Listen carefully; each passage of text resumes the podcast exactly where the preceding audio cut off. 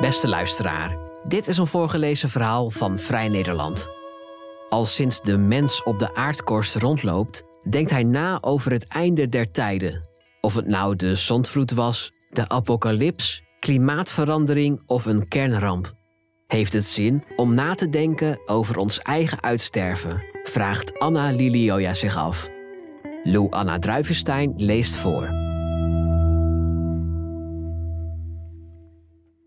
Een noodrantsoen, een draagbaar zonnepaneel, een slecht weerslaapzak, opvouwbare drinkbekers, zakmes, zaklamp, waterzuiveringstabletten en drie pakjes fruitcakes, legerbiscuits. Het zijn producten uit het basisnoodpakket in een online prepshop, een webwinkel voor doomsday preppers.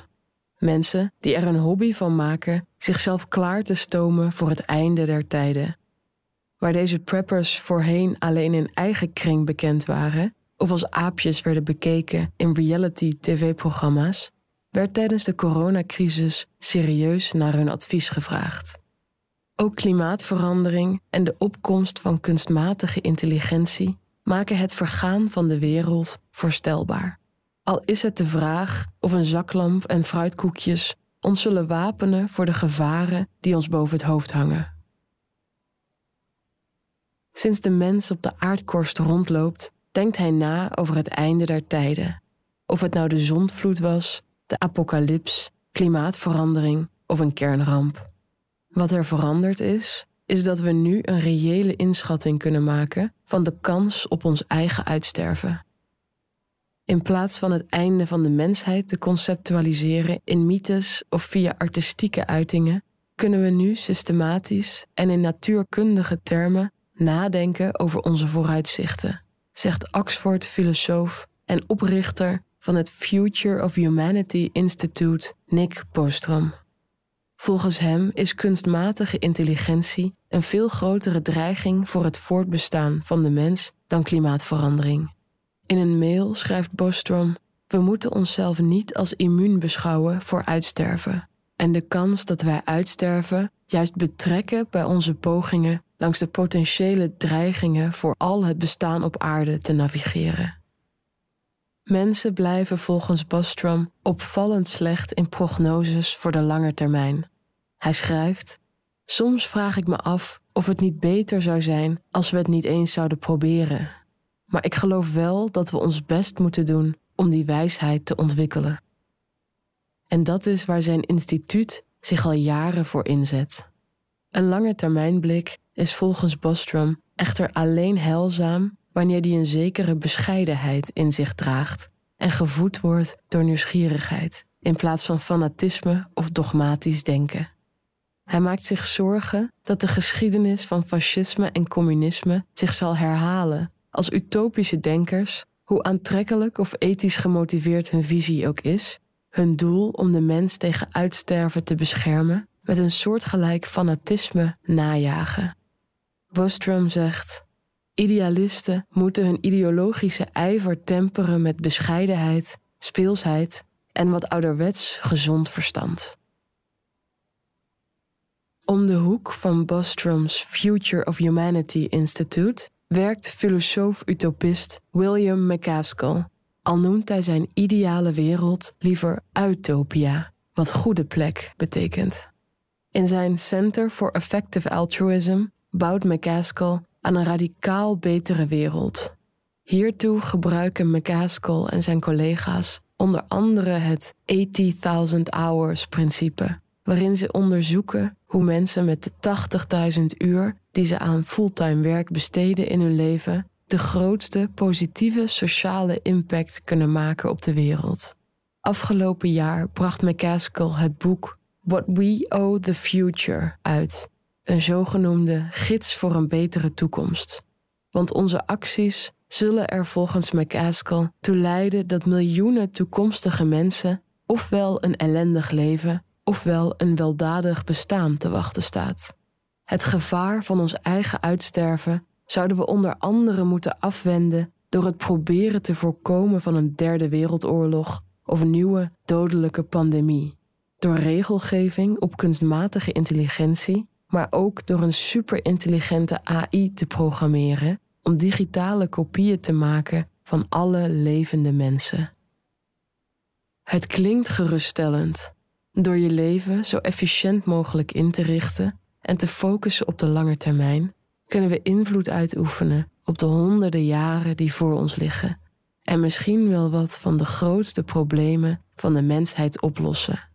Maar hoe goed is de mens daadwerkelijk in staat om in te spelen op situaties die zich nog niet hebben voorgedaan en de behoeftes van komende generaties?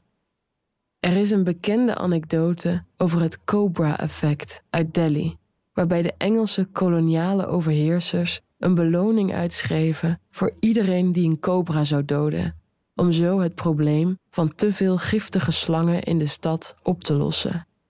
Het plan leek succesvol, tot ondernemende mensen zelf cobra's gingen fokken om inkomsten te genereren. Toen de overheid hierachter kwam, schrapten ze de beloning, waarna de fokkers de vele slangen, nu waardeloos, loslieten op de straten en de cobra-populatie zich juist verder uitbreidde. Hoe goed bedoeld onze acties ook zijn, alle toekomstige effecten kunnen we maar moeilijk voorspellen in een wereld die complex en veranderlijk is. En hoe democratisch is de benadering van McCaskill eigenlijk? Voor het democratisch tegengaan van ons eigen uitsterven is volgens de Nederlandse datawetenschapper Otto Barton ten eerste een goed geïnformeerd publiek nodig. Daartoe runt hij al twee jaar het Existential Risk Observatory, een organisatie die als voornaamste doel heeft het publieke debat te informeren. Net als Bostrom ziet Barton kunstmatige intelligentie juist als grootste dreiging voor ons voortbestaan. Hij volgt de redenering van filosoof Toby Ord. Die schreef: Met het bevechten van de gevolgen van klimaatverandering houden zich miljoenen mensen bezig. En met de risico's van kunstmatige intelligentie maar zo'n 300. Terwijl de kans op uitsterven door AI, die de mens voorbij gaat in intelligentie, vele malen groter is dan door klimaatverandering. En het uitsterven van andere soorten dan de mens? Barton zegt: Wij richten ons wel voornamelijk op het uitsterven van de mens. Al geloof ik dat kunstmatige superintelligentie evolutionair ook niet veel goed zou betekenen voor andere soorten. In het bevechten van een almachtige kunstmatige intelligentie ziet Barton grofweg twee opties: de intelligentie-explosie door laten gaan en tegelijkertijd proberen de AI veilig te houden of AI van menselijk niveau verbieden tot het zeker is dat het veilig is, of nieuwe kunstmatige intelligentie niet ontwikkelen tot zeker is dat het veilig is. Hij zegt: In het eerste geloof ik eigenlijk niet. En als we het democratisch willen aanpakken, zal je regelgeving uiteindelijk toch niet kunnen ontlopen.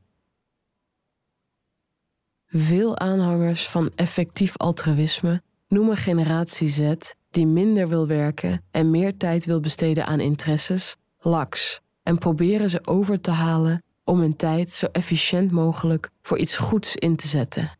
Maar er is ook iets te zeggen voor het verwerpen van het economisch model van fulltime en zo effectief mogelijk werken. Hoe meer arbeidsproductiviteit er is, al wordt het aan iets goeds besteed, hoe meer we de planeet namelijk ook belasten. Sterker nog, volgens de Britse evolutiebioloog en paleontoloog Henry G. is een toename in economische productiviteit direct gerelateerd aan een afname van de bevolkingsgroei. Met ons huidige economische model werken we misschien wel ons eigen uitsterven in de hand.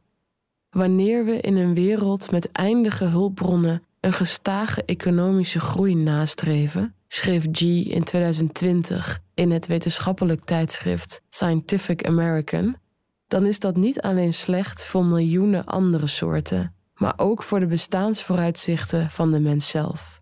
We moeten harder en langer werken om dezelfde levensstandaard te behouden. Mensen raken ontmoedigd om aan kinderen te beginnen of stellen het zo lang uit dat hun vruchtbaarheid begint af te nemen. Ook is de kwaliteit van mensensperma volgens G hard achteruit gegaan door vervuiling en stress. Onder andere door te dicht op elkaar te leven in grote steden in plaats van in ons natuurlijke habitat, verspreid in groepen over het land.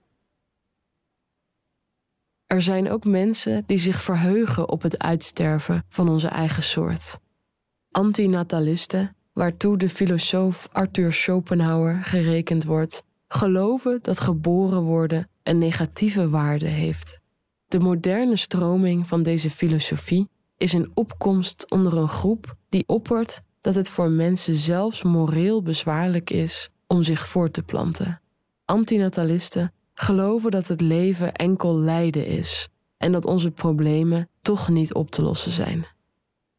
Maar je hoeft geen bezwaar te hebben tegen geboorte om je te verheugen op ons uitsterven.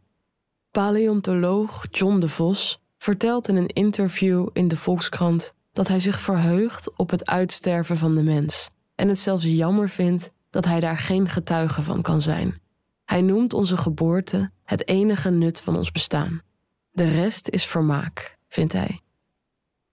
Onszelf plaatsen in een lange termijn context en nadenken over ons eigen uitsterven zorgt ook voor herwaardering van ons eigen bestaan. McCaskill laat de lezer in What We Owe the Future een gedachte-experiment uitvoeren. Beeld je in dat je niet alleen je eigen leven hebt geleefd, maar aaneengesloten dat van alle organismen uit de geschiedenis van de wereld.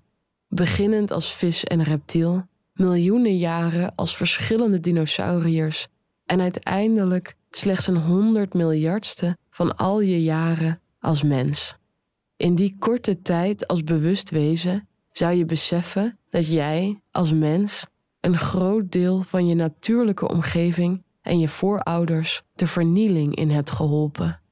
Een nogal sinister beeld dat de geboorte van de mens bijna gelijk stelt aan de apocalyps. Als onze voorouders eeuwen terug dit gedachte-experiment hadden toegepast en duizenden jaren vooruit hadden gedacht, hadden zij ons dan nog wel de moeite waard gevonden? Waren wij tevreden geweest met een beslissing die men honderd of tweehonderd jaar geleden vanuit de tijdsgeest van toen voor ons had gemaakt?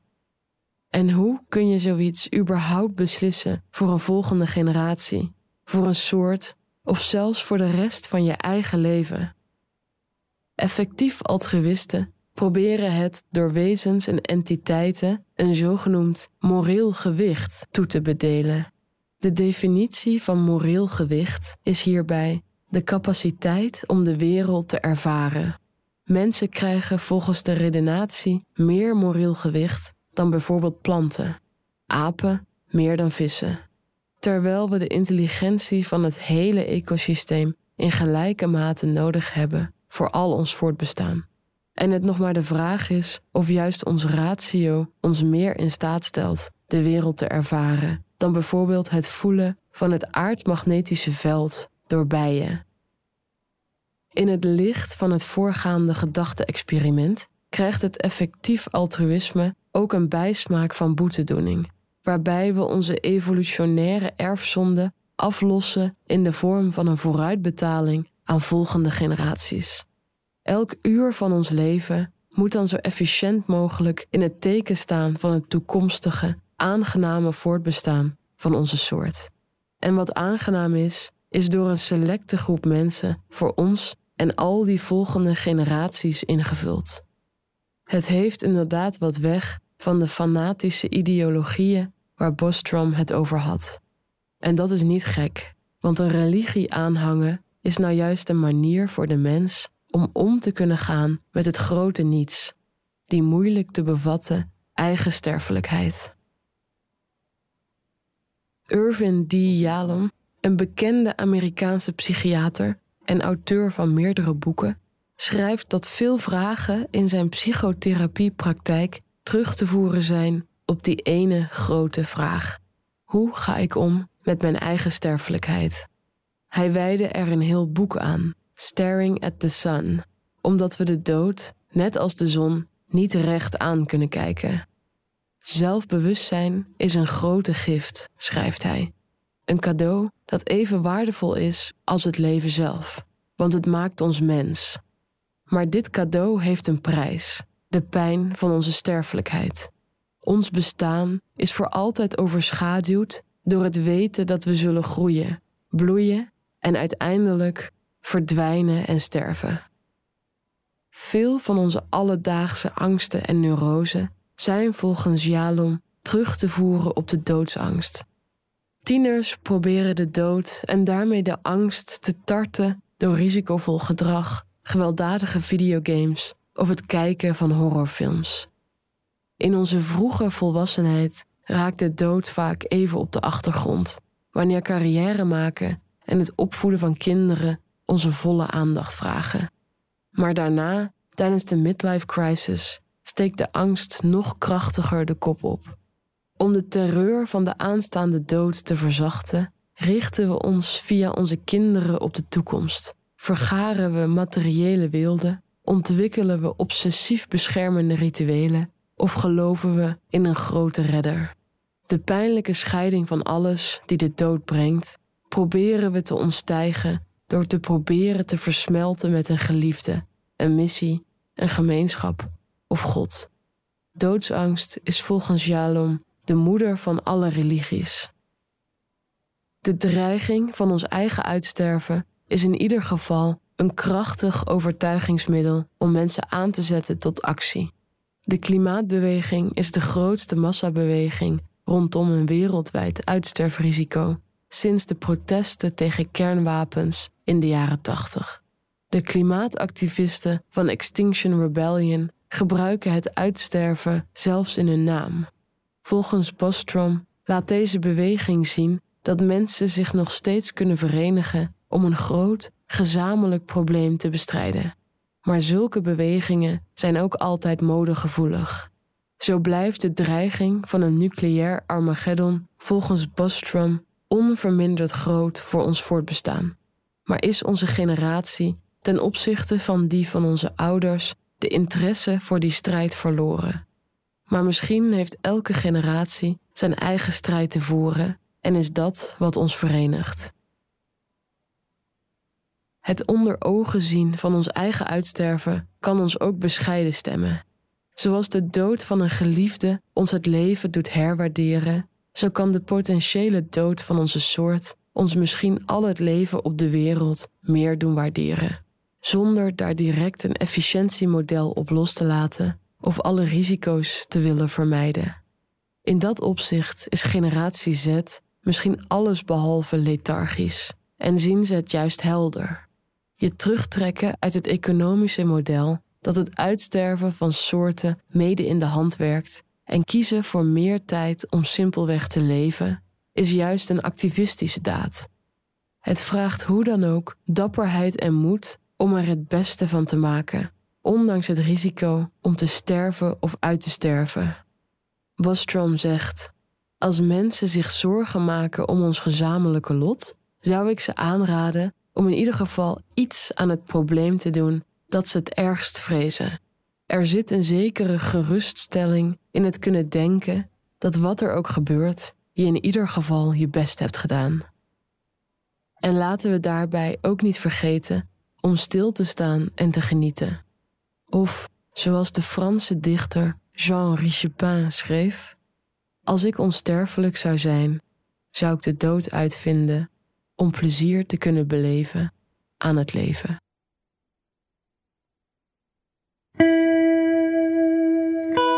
Wil je meer verhalen van ons lezen of beluisteren? Kijk dan op vn.nl of abonneer je op Vrij Nederland in je podcast-app. Voor onze trouwe luisteraars hebben wij ook een speciale actie. Een half jaar Vrij Nederland online voor maar 15 euro. Kijk voor de aanbieding en de voorwaarden op vn.nl/podcast. Bedankt voor het luisteren.